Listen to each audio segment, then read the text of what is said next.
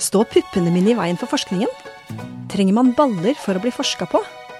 Visste du at forskning på mannens helse alltid har dominert? Sanitetskvinnene vet at vi ikke løser kvinnehelsemysterier ved å forske på menn. Derfor finansierer vi forskning på kvinnehelse. Og hva vi har lært, kan du høre mer om i denne podkasten. Tiden er inne for å skrive ut rosa resepter.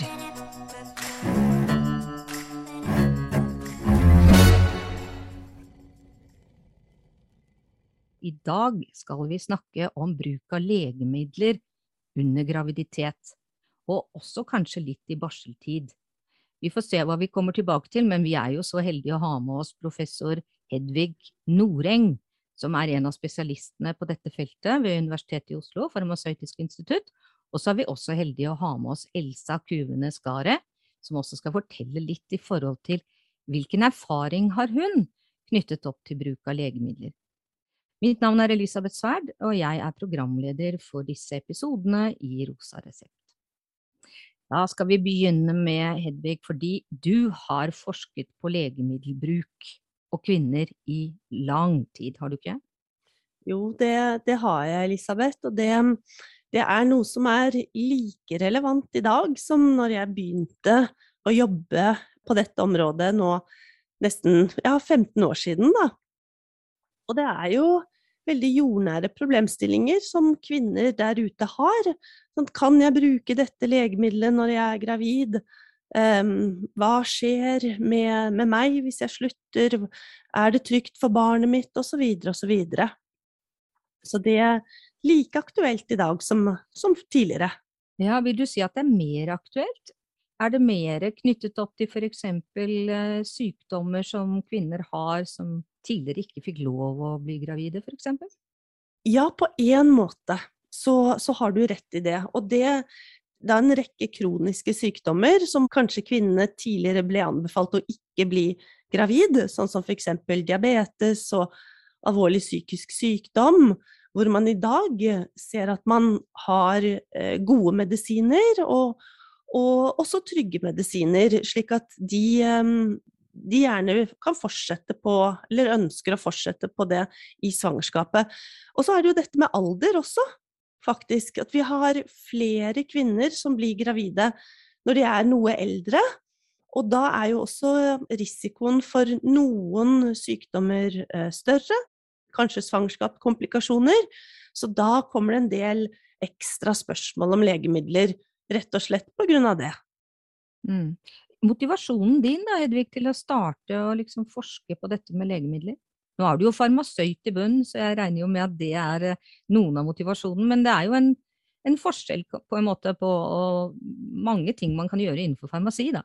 Ja, ikke sant. Man kan jo jobbe med alt med hvordan legemidler pakkes inn og produseres til utvikling av nye legemidler. Mens nei, jeg har valgt å fokusere på noe som, som, jeg oppfatter som veldig jordnært, da. Og, og, hvor det var et stort kunnskapshull. Fordi at gravide, og også ammende, da, de inkluderes jo ikke i vanlige kliniske studier. Slik at kunnskapshullet eh, ja, det var noe av det som motiverte meg da, til å si at ja, men dette er jo ikke, det er jo ikke akseptabelt å, å, å ekskludere da kvinner fra, fra kunnskap. Og bli forsket på? Og bli forsket på, ja. Mm. Så, så, når vi ikke kan inkludere dem i kliniske studier, hvordan kan vi da være med på å generere eh, kunnskap likevel? Mm. Og da er det jo ved å følge opp og bruke da helseregistre som vi har i Norge, og, og eh, fødselskohorter, og, og, og, også for å få hjelp av eh, kvinner selv til å samle inn data. Så det er jo det som jeg har mye fokusert på. Hvordan kan vi, når vi ikke kan gjøre kliniske studier, hva slags handlingsrom for forskning har vi da? Mm, mm. Du fikk vel doktorgraden din eh, fra Sanitetskvinnene i sin tid, eh, gjorde du ikke det? Det var ikke doktorgraden, men det var postdokken min. Ja, postdokken din, ja, ja, sånn at du kan si at Sanitetskvinnene hjalp meg virkelig til å ta et veldig viktig steg videre da, i min akademiske karriere, eller det som har blitt min bane her i, i eh, arbeidslivet mitt. En veldig viktig stein lagt ved hjelp av Sanitetskvinnene. Og så I dag så er du jo en del av Sanitetskvinnenes ekspertpanel, men du er jo også hovedveileder for mange prosjekter. Ja. Vi skal komme litt tilbake igjen til de. Ja. Vi må jo hilse på Elsa Kuvene Skaret, som er med oss også. Og hva er din intro til dette da, Elsa? Jeg har jo vært gravid, da. eh, Og fått et barn. eh, Og brukt eh, medisiner underveis, rett og slett. Jeg er 27 eh, og har ei datter på rett over åtte måneder. Ja. Og i utgangspunktet, som er hovedproblematikken min, så har jeg gått mye på antihistamina. Eh, og jeg er såpass allergisk at det var på en måte ikke aktuelt å slutte eh, under eh, graviditeten. I tillegg så har jeg drevet og gått på en sånn midvaksinering, som er en eh, morsom eh, smeltetablett som man skal ta. Eh, og det også var sånn eh, Kommer til legen min spør om eh, ja, hva, hvordan er det med den nå når jeg er gravid. Nå, nei, altså, i og med at du allerede går på den, så kanskje Jeg tenker at du kan fortsette. Det var liksom beskjeden. Og når du googler og er inne på det trygg mamma-medisin og sånne ting, så er det sånn hm, Vi vet ikke helt. Kanskje den er grei. Antihistaminer er man liksom jevnt over enig om at det går fint. Eh, men den midtvaksineringa var sånn hm, Kanskje det går bra? Vi, vi har ingen grunn til å tro at det ikke går bra. Og hva, hva forteller det deg? Altså, blir du trygg i de valgene du skal ta da? Nei, altså det er jo ikke så veldig betryggende å sitte her og vite at uh, den medisinen her, den vet vi ikke effektene av. Nå tok jeg risken på å fortsette å ta den. Det, midvaksinering er sånn greie som du holder på med over tre år. Og jeg var liksom ett år inn når jeg ble gravid. Så det var liksom kjedelig å slutte. For hvis jeg har slutta, så har jeg måttet starte ny, tre nye år. Og jeg har ikke kommet til å fått lov til å starte den før jeg var ferdig å amme. Eh, fordi man jo ikke vet, så vil de ikke at man starter på den. Kanskje du skal forklare, Hedvig, hva er det vi snakker om her av den vaksinen? Jeg er ikke helt sikker på hvilken, eh, helt spesifikt hvilken vaksine som Elsa eh, snakker om. Akari-saks. Ja, riktig. Men, men det som er så viktig, det er det du forteller, Elsa, om at for det første så Du måtte gjøre opp et valg. Og du måtte da kontakte legen din, og du måtte ha den samtalen om hvor viktig var den behandlingen for deg, kontra eventuelle da eh, det som var ukjent. Og for deg så, så var det såpass viktig å, å få fortsette. Og det er jo slik at det er ikke noe ett svar som passer til alle. Hver og enkelt tilfelle må, må vurderes individuelt. Og så virker det som om at du har hatt en veldig, egentlig en god prosess, og at du har vært trygg på den avgjørelsen. Og det er nettopp det vi ser i veldig mange tilfeller, at medisin som man burde ha fortsatt med, fordi at man har en, en såpass alvorlig allergi eller en, en annen sykdom, at det å gå av vil være verre. Og det å slutte Du var jo da ett år inn i den behandlingen med den eh, midvaksinen. Og det å slutte ville for deg, i ditt tilfelle, være et verre alternativ enn det å fortsette. Og det jeg ser, er at det er et veldig sånn ensidig fokus på hva som er risikoen for legemiddelet, men vi må ha et like stort fokus på hva er det risikoen ved å slutte å behandle. Mm. Eller å avbryte behandling. Og det som man i hvert fall aldri må gjøre, det er også å avbryte brått alene. Det må gjøres i samråd med, med lege, naturligvis. Det må gjøres i samråd med lege. Og, og, og, så er det dette da med informasjon. Hvor skal man få da god informasjon? Og hvis man leser pakningsvedleggene, så, så Ofte så står det jo veldig lite der, eller at det er veldig stort forbehold. Så at man er nødt til å også bruke, eh, vil jeg anbefale, mer produsentnøytrale kilder. Mm. Da står vi jo litt der i litt sånn spagat, da, egentlig, i forhold til problemstillingen bruk av legemidler. For én ting er jo dette med eh, tanken, eller hva skal jeg si, altså dette rundt kvinnen selv som må bestemme i forhold til seg selv, ikke sant, i forhold til at det er viktigere å gå på de medisinene, kanskje, enn det er å stoppe med de. Men så er det jo noen Det er jo et lite barn inne i bildet her også, da, og da er jeg veldig opptatt av, eh, Elsa, i forhold til hvor mye tenkte du på, på babyen og konsekvenser av legemiddelbruket da? Eh, man tenker på det. Selvfølgelig tenker man på det. Eh, en graviditet er jo noe som liksom farger hele hverdagen din når du står i det. Eh, med det sagt så er nok jeg velsigna med et hode som klarer å legge det fra seg. Eh, når jeg hadde kommet til den avgjørelsen at jo, men jeg fortsetter med, med den vaksineringa som jeg tok, i tillegg til at jeg fortsetter med antihistaminene mine, så klarte jeg i veldig stor grad å legge det fra meg. At nå har jeg på en måte tatt det valget. Men akkurat når du står i valget, så er det selvfølgelig betenkelig. Man vet lite, eller man vet jo mye, men man vet lite om de medisinene jeg tar, på en måte, om hvordan de påvirker det disse uferdige skapningene som vi driver og lager. Eh, de er sårbare, systemet er sårbart. Og det er jo så mye vi vet at kan skade dem, og så mye vi vet er viktig. Og så står du der og så velger du ting som er sånn Kanskje er det viktig? Kanskje påvirker det masse i det ufødte livet? Kanskje så merker ikke det ufødte livet til deg nå i det, i det hele tatt. Uh, og selvfølgelig, der er det en del tvil, altså, og bekymringer. Mm. Uh, men når jeg har tatt valget, så sto jeg greit i det. Så, du, så sto du greit til det. Uh, Hedvig, kan du kommentere det litt? For jeg tenker at det er vel også en del av bakteppet på forskningen? Mm, ja, og det og det vi må sørge for, det er at uh, Elsa får så mye fakta på bordet uh, av både fordeler og ulemper. Hun må ha dataene eh, foran seg, slik at hun kan gjøre da en beslutning. Eh, og at hun får noen å diskutere med.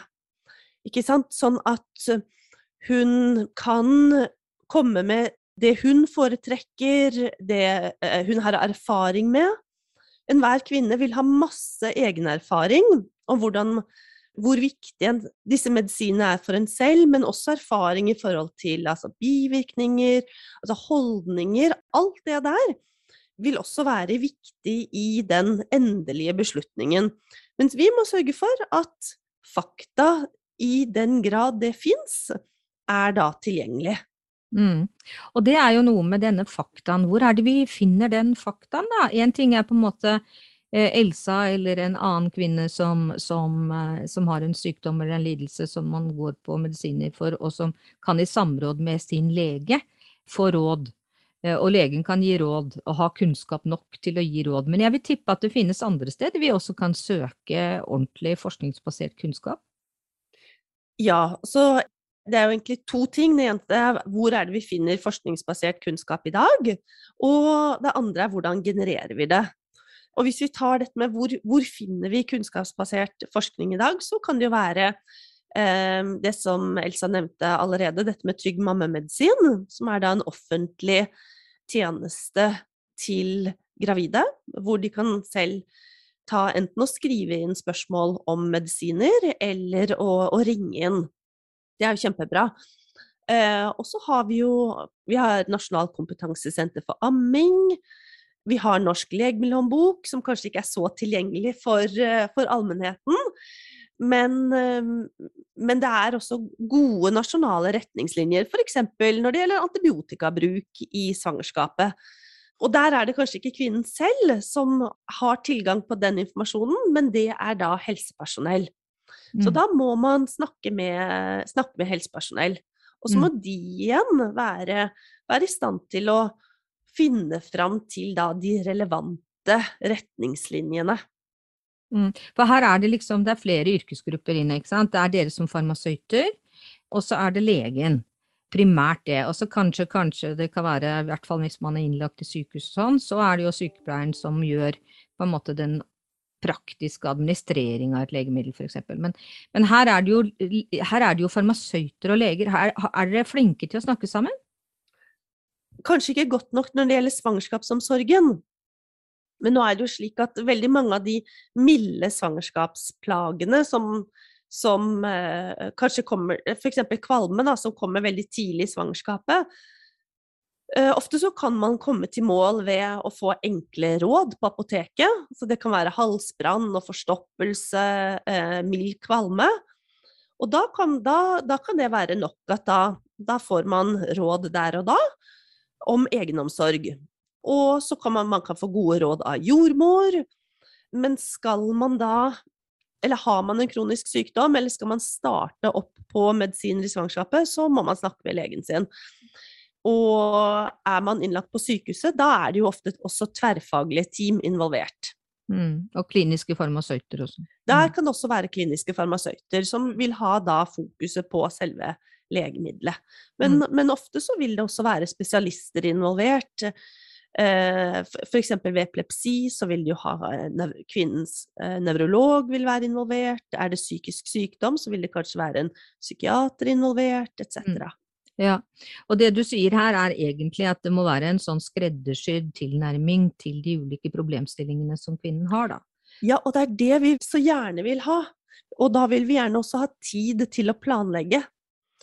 Og da kan man gjerne begynne å planlegge før hun blir gravid, hvis det er mulig, å legge opp en god plan. Fordi det er jo også slik at noen medisiner så må man faktisk justere dosen i svangerskapet. Kanskje må man også øke Eh, dosen fordi at det skjer så mange endringer i kroppen, slik at en del legemidler de faktisk nedbrytes raskere. Mm. Så vi er veldig glad i når da man har en plan for svangerskapet og hvordan man skal følges opp, og også ammeperioden. For noen ganger så kommer man til eh, Eh, man har hatt stort fokus på hele svangerskapet, og så kommer man til fødsel, og noen ganger så får vi en telefon fra fødeavdelingen. Hei, vi har Eller barsel. Vi har en kvinne som skal reise hjem om to timer. Hun bruker det og den medikamentet. Eh, kan hun amme? Så vi liker når vi kan liksom planlegge og diskutere, finne frem de beste kildene, søke etter data internasjonalt slik at vi kan få fram fakta. Og når det ikke fins fakta, så må vi være med på å generere dem selv. Ja, Elsa, hvordan gikk det med deg når du hadde født og skulle amme? Var problemstillingen like relevant da, eller? Både ja og nei. Jeg gikk jo fortsatt på de samme medisinene. Men det er jo liksom en enighet fortsatt om at antihistamina er greit. Nå er jo jeg, Det er derfor jeg er med her. Jeg har vært med på en forskningsprosjekt hvor vi prøver å finne ut av uh, hvor mye av de antihistaminene som faktisk går over i morsmelka. Det er sånn jeg og Hedvig uh, møttes, egentlig. Um, det blir spennende å se på. Utover det så har det vært veldig lite snakk om medisinbruk. De, det er sånn Ta smertestillende, men vær forsiktig. Ikke ta nesesprayer med ditt og datt i. Uh, hver gang du skal ta en medisin, så må du google. Ja, det er litt bekymret for denne doktor Google, jeg. Ja, ja, ja det, det, er en utfordring det med doktor Google. Eh, og det er jo eh, dessverre litt sånn at det er lett å gå dit først. Også fordi ja, jeg er født eh, i, midt i en pandemi. Så verden var ganske stengt da jeg er født. Oslo har aldri vært så stengt som akkurat da jeg er født. Og det var stengt. Alle butikker var stengt. Um, det var beskjed egentlig om at du skulle unngå å gå på apoteket, du skulle unngå å gå på butikken hvis du kunne. Sånn at uh, rett etter at jeg er født, så var det egentlig litt sånn Send noen du kjenner med fullmaktstemning på apoteket. Sånn at uh, jeg hadde liksom heller ikke tilgang Og det er jo litt sånn spesielt for min tid. Men jeg tror kanskje at mange føler på det rett etter at de har født uansett. Da. At det er lett å bli inn i huset sitt og ta vare på den skapningen som trenger deg 24-7, fremfor å stå på apoteket og diskutere med en farmasøyt. da. Mm. Men uh, uansett så vil jo den erfaringen som du har som bruker og pasient, eller pasientfødende er jo ikke pasienter, men brukere, Eh, har. Det vil jeg tro er viktig for i både, både, det kliniske perspektivet ditt, Hedvig, men også det forskningsperspektivet. Ja, absolutt. Og vi er så avhengige av å, å snakke med kvinnene selv. Vi når faktisk ut til mange kvinner via, via dere, eh, Elisabeth, via Sanitetskvinnene. Men hvis ikke vi lytter til kvinnene selv, og til mammastemmene der ute, så, så skjønner vi heller ikke eh, hvilke spørsmål som er viktige, og vi skjønner heller ikke hvordan vi skal formidle da forskningen på en forståelig måte. Og, og, det som Elsa fortalte, som hun har vært med på Hun har jo faktisk vært med på å, å gi oss morsmelk, eh, slik at vi kan måle da antihistaminer, den som hun står på, i morsmelk. Og før hun og hennes medsøstre i Norge ble med i den studien, så hadde vi kun data på tre kvinner internasjonalt sett på det legemiddelet. Så det jo, var jo ingen data, og selv om vi tror dette er helt trygt, og ikke noe, ikke noe som tilsier at det er eh, noe som helst eh, risikabelt, så må vi faktisk dokumentere at det er altså, forsvinnende lite i morsmelken. Og det mm. kan vi ikke gjøre uten at kvinnene selv er med på å, å bidra til forskningen.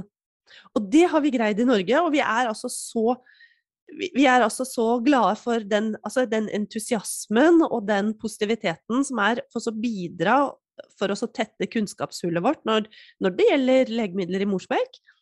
Og, og, vi er også Vi gleder oss til å formidle disse resultatene til ikke bare til kvinner i Norge, men dette er spørsmål som kvinner over hele verden har. Kan jeg, jeg har allergi, kan jeg amme når jeg står på disse antistaminene?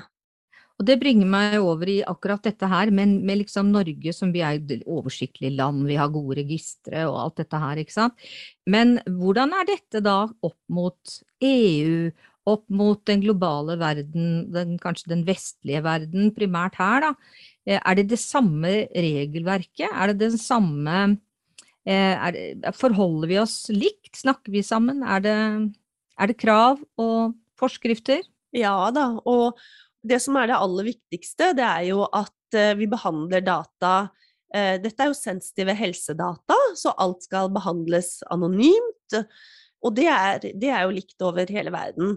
Og enten vi jobber med f.eks. med morsmelkprøver, eller vi jobber med data fra store helseregistre.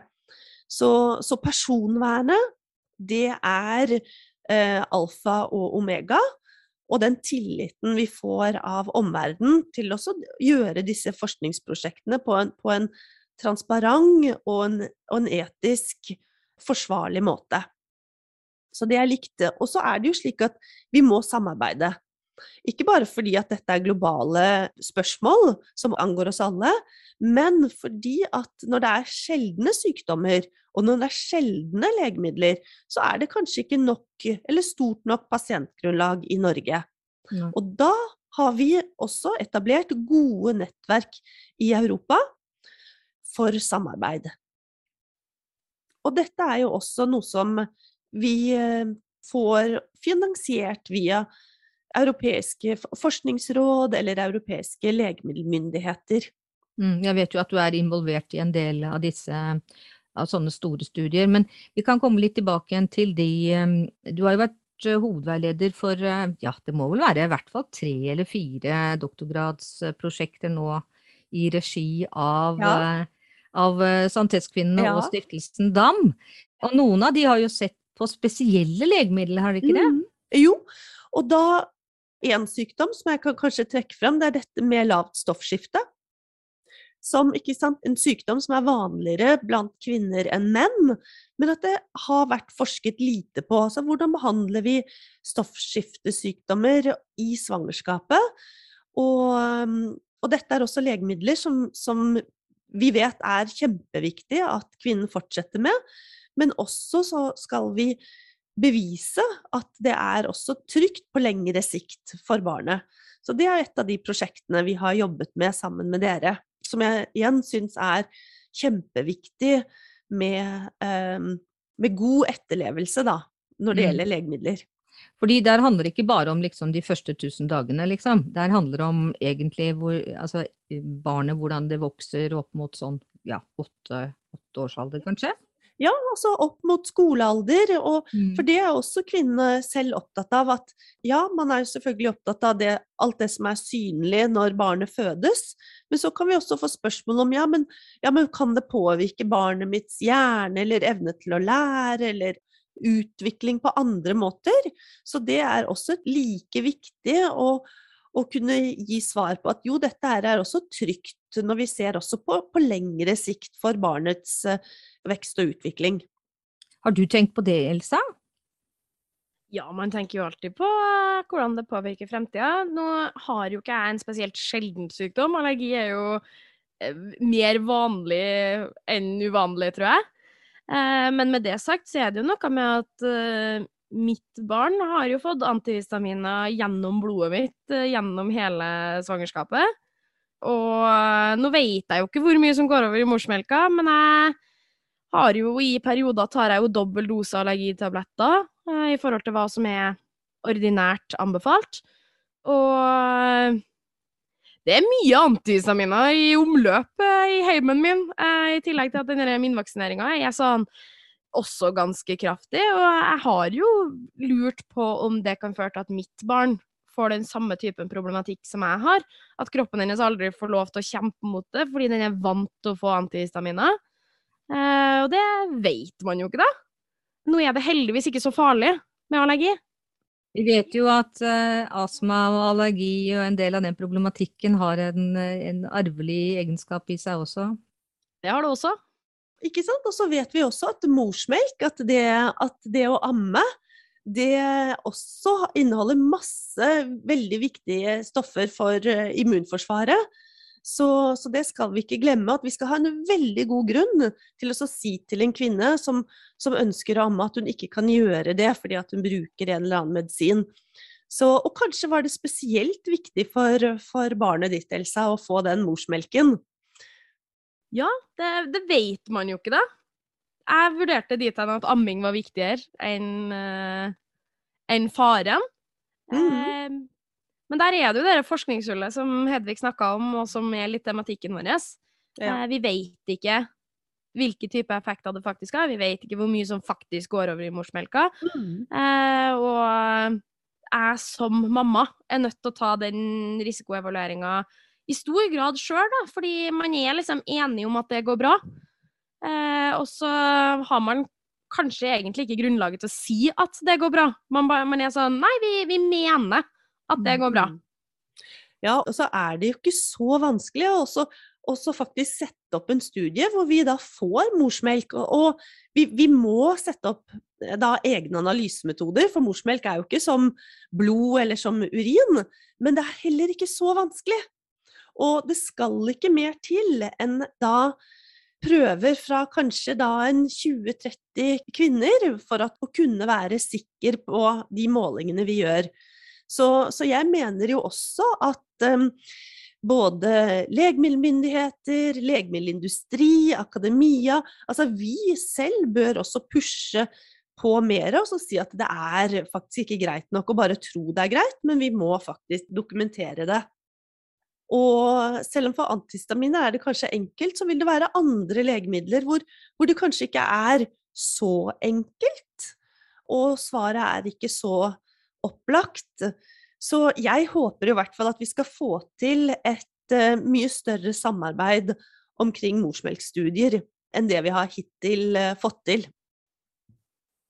Det høres veldig både spennende og fornuftig ut. Du har jo også vært hovedleder eller, eller um, knyttet opp til bruk av psykofarmaka, har du ikke det? Jo, og for det er jo også et område vi får mye spørsmål om, og uh, f.eks. antidepressiva. Og kvinner med uh, alvorlig depresjon, kanskje hun har startet før, også, og hvor hun og legen vurderer at uh, hun må fortsette i svangerskapet også. Og så da har vi også sett på hvordan det går med disse kvinnene og barna deres, og også hvordan det går på lengre sikt. Og det vi også ser, er at det tyder på at eh, det går eh, veldig greit med dem. Det viktigste er at de får god behandling og god individuelt tilpasset eh, oppfølging. Mm. Og når det gjaldt akkurat dette med tyroksin, eller altså da med stoffskifteproblematikken, er dere ferdig med resultatene der? På akkurat det, det ene doktorgradsprosjektet som omhandlet lavt stoffskifte, så er vi da ferdig. Mm. Um, men så er det jo også alltid sånn at um, ofte så åpner et doktorgradsprosjekt for nye spørsmål. Og noe av det også som eh, Elsa var inne på, dette med um, ja, hun har allergi. Kanskje man, det var kanskje du som nevnte det, Elisabeth. Det med at man har en genetisk disposisjon til da en eller annen sykdom. Og hva betyr genetikken? Og noe av det som vi jobber med nå, det er jo også prøve å også inkorporere også informasjon fra mors og fars genetikk i studiene våre. For det er kanskje slik at det er den eh, At genetikken betyr mye, mye mer for da risiko for en eller annet eh, utfall enn selve medisinen. Og det er jo mm. kjempeviktig å, å faktisk da å kartlegge. Mm. Ja. Og, og, naturligvis basalmedisin også. Altså grunnforskningens betydning også inn i det. Ja. Mm. ja. For det er jo bare Én ting er jo disse resultatene vi vil ha for at retningslinjer, råd og sånn, på en måte som baserer seg til pasienter og brukere skal være klare, men det er jo også noe i forhold til å se hvordan går dette her i det lange løp. Og det du sier her, Hedvig, i forhold til at vi ikke vet egentlig nok om morsmelk, eh, sier jo noe om hvilke kunnskapshull vi har. Og det er jo mange kunnskapshull rundt kvinners helse. Som vi sanitetskvinner og mange andre kvinnehelsemiljøer prøver å gjøre noe med, og lukke disse hullene. Eh, men det er, det, er av, eh, det er, nok av, ny kunnskap vi trenger, da. For å si det sånn. Men du er jo også Det er, det er et prosjekt til, da. Og det går jo mer på farmasi, altså på farmasøytens rolle i legemiddelbehandlingen? Ja, for da har vi jo også sett på eh, hvordan kan også farmasøyten være med å bidra mer inn mot særlig de milde svangerskapsplagene. Og for igjen så er det tilbake til kvinnene selv. Vi ser ofte at de um, har masse spørsmål som kanskje kommer før, til og med før første svangerskapskontroll. Og i den perioden da, før første svangerskapskontroll, da har du apoteket der. Hvordan kan eh, farmasøyten på apoteket være med på å støtte opp om kvinnen, kanskje også fange opp kvinner som tidligere, eller som skulle fått da første svangerskapskontroll tidligere. Og det klassiske eksempelet, det er jo svangerskapskvalme. Det er jo noen kvinner, de de merker at de er gravide fordi at kvalmen slår dem. Og da kommer de igjen på apoteket, og så lurer de på er det noe jeg kan gjøre. Jeg er, nå er jeg så vanvittig kvalm. Og da er det, da er det alle disse enkle livsstils- og, og kostholdsrådene som man kan prøve før man begynner på, um, på medisiner. Det mm. er jo alltid da en slags behandlingstrapp. Så der har vi også prøvd å undersøke da, hvordan, hvordan kan farmasøyten være med og bidra med god og enkel eh, informasjon til gravide. For Betyr det noe for deg, Elsa, om den informasjonen kommer fra farmasøyt eller den kommer fra legen? Jeg tenker jo at det er sikkert lett å gå til legen, eh, men det er jo ganske strengt for å bli farmasøyt. Jeg eh, tenker at uh, dem på apoteket i stor grad kan hjelpe deg. Og så vet jeg om det er tydelig nok kommunisert ut. Jeg vet jo at apotekkjedene og sånn jobber for å liksom selge inn farmasøyten som en som kan hjelpe deg med alt som er på en måte litt lettere enn det du må til legen til, da. Altså alt sånn ja, ikke-reseptmedisiner-aktig. Eh, jeg har hatt god hjelp av det. Men jeg tror ikke alle vet om det. At det er en mulighet. Hva tror du, Hedvig? Ja, jeg tenker også at det, det handler jo også om å avlaste for helt enkle symptomer, altså, som da halsbrann og, og, forstoppelse, så kan man få vel så god hjelp på apoteket. Og man trenger jo ikke noe, å bestille noe time det er det som er så, også så veldig greit. Det er, det er eh, et skritt inn. Um, og, og, handler om å bruke helsevesenets ressurser på best mulig måte. Er det såkalt farmasøytsamtale, dette da?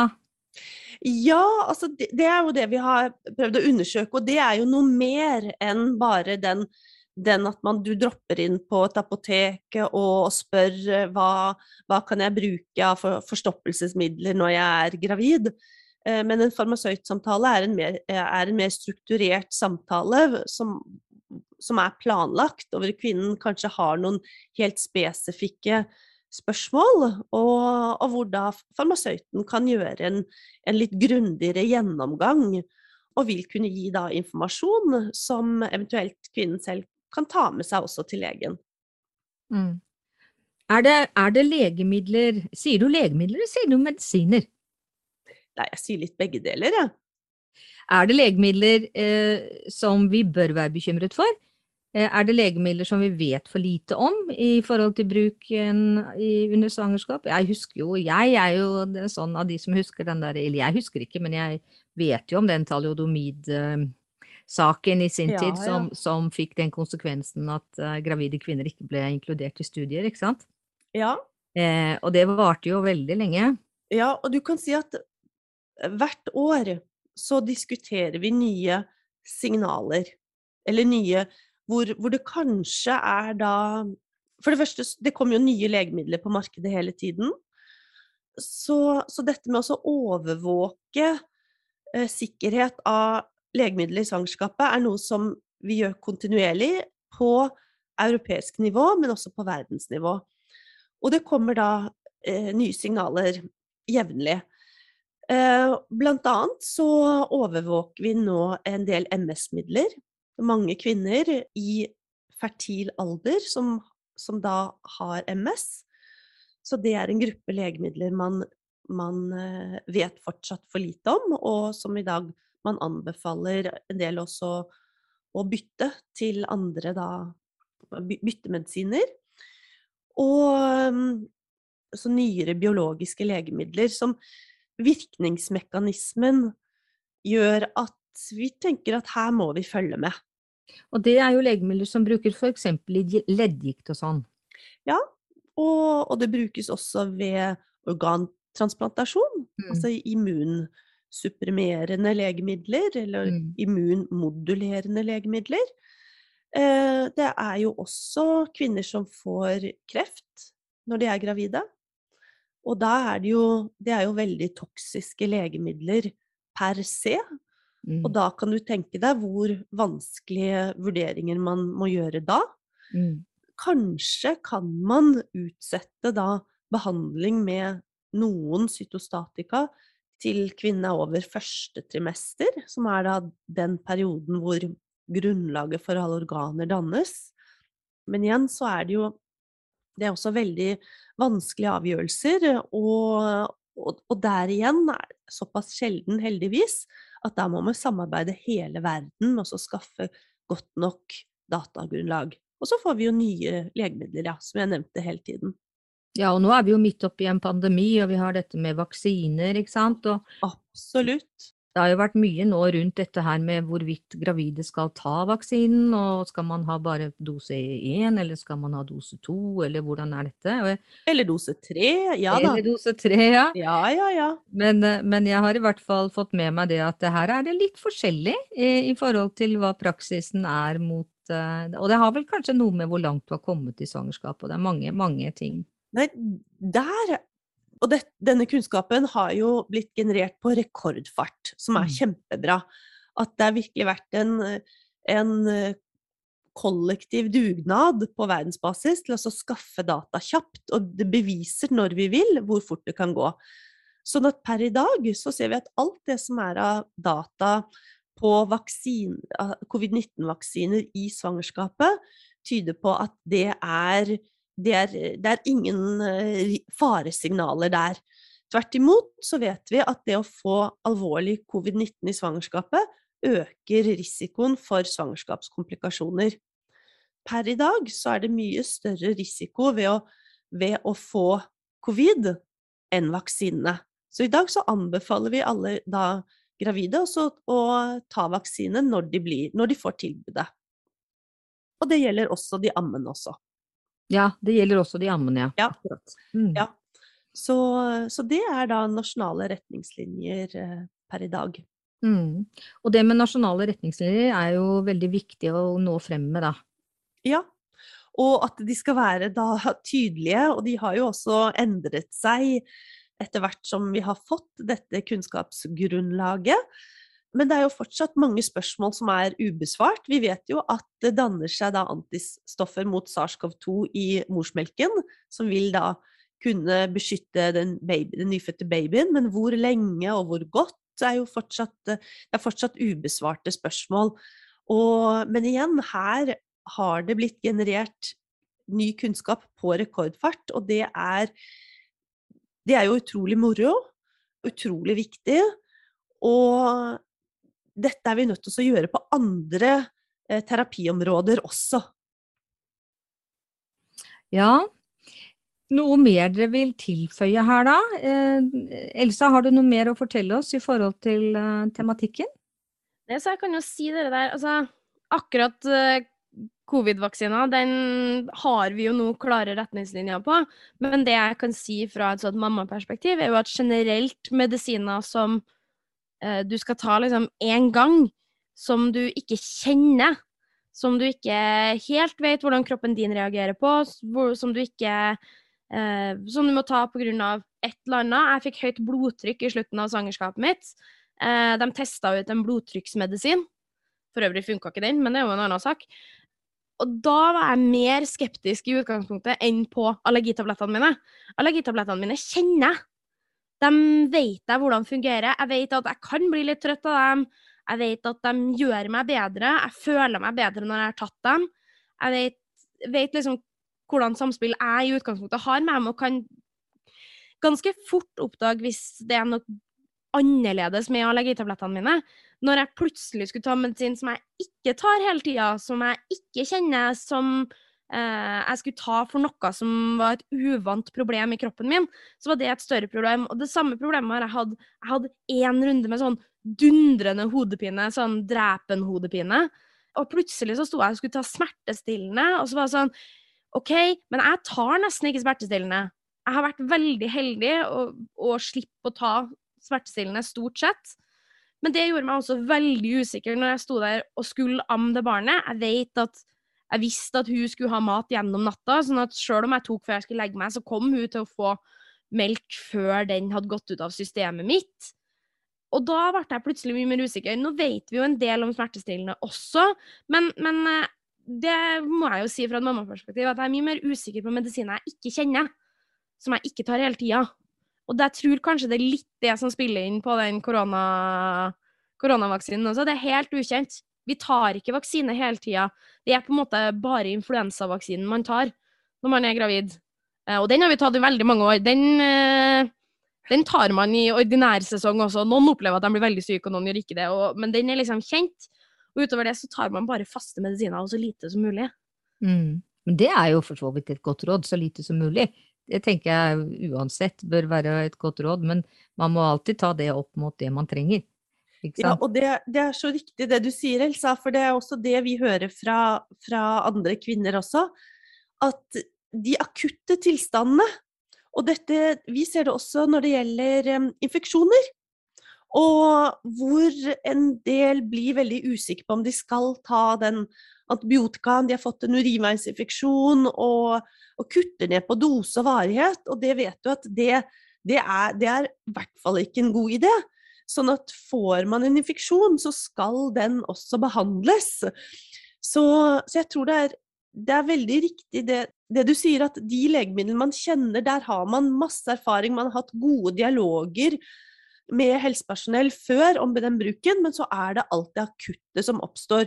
Og vi er nødt til å ha en like god behandling av akutte tilstander i svangerskapet som av de kroniske. Og så er, da er vi sanitetskvinner vi, er veldig opptatt av dette med kvinners egen innsikt og egen kunnskap om seg selv og sin kropp. At det også er et kunnskaps...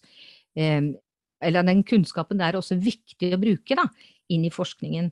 Og inn også i klinisk eh, og anvendelse i klinikk osv. Eh, den erfaringen må vi ta med oss. Men når du da eh, som gravid, og da ikke har noe egentlig sykdom eller noe sånt, men plutselig opplever denne kvalmen da. Hva skal du gjøre da, Hedvig Noreng? Nei, jeg tenker at først så må vi få kartlagt hvor alvorlig den kvalmen er. Og det er stor forskjell fra de som har som føler seg ugne, og som er eh, litt kvalme, til de som har eh, det vi kaller for hyperemesis gravidarum, som er den mest alvorlige formen for svangerskapskvalme, som kan også være livstruende hvis du ikke får behandling. Så, så kartlegge alvorlighetsgraden, eh, og noe som enkelt som hva, hva får man i seg av mat og drikke? Det sier seg selv at får du ikke i deg mat og drikke, og at du kaster opp eh, flere ganger, så er det et, eh, et veldig alvorlig signal, og at da må du få hjelp. Så, så det å få raskt hjelp, og da er det også da å anbefale litt ingefær, det blir også skvette vann på gåsa. Så, så, det er også å sørge for riktig behandling til riktig alvorlighetsnivå. Og da hjelper ikke doktor Google? Da hjelper ikke doktor Google, og da hjelper ikke disse kjerringrådene og, og, enkle eh, kosthold- og livsstilsråd. Da er det å få henne kjapt til legen. Og vi ser da en del kvinner som, som, ikke får god nok behandling, for de er så dårlige at de må legges inn på sykehus, og de må få væske intravenøst. Så det også kunne, kunne fange opp, og, eh, og, der må også apotekene gjøre uh, sin rolle. De må fange opp når det er så alvorlig at hun må raskt videresendes til, til legen sin mm. uh, for behandling. Mm. Noen tror jo at det er, uh, det er sånn det er å være gravid, at de skal være så kvalme og kaste opp så mye, men, men det er også en grense. Er det noe mer dere vil tilføye? Har vi gitt de rådene vi skal gi nå til gravide som lurer på problemer eller ikke-problemer, og tematikken 'hvordan går det med meg', 'hvordan går det med babyen'? Nå har vi prøvd å svare på det så godt vi kan, ut ifra både forskningsinformasjon eh, og kunnskap det vi har, og naturligvis også ut fra brukerperspektivet hvordan det er å være midt oppi en sånn problemstilling. Så tusen takk. Tusen takk til professor Hedvig Noreng, og tusen takk til Elsa Kuvenes Gahr. I 125 år har Sanitetskvinnene jobbet for å bedre kvinners helse og livsvilkår, og står for en av Norges største satsinger på kvinnehelseforskning. Du finner Rosa resept der hvor du lytter på podkast og i sosiale medier. Lenkene finner du i episodebeskrivelsen. Følg oss videre på veien mot likestilte helsetjenester. Nye rosa resepter skrives ut fortløpende.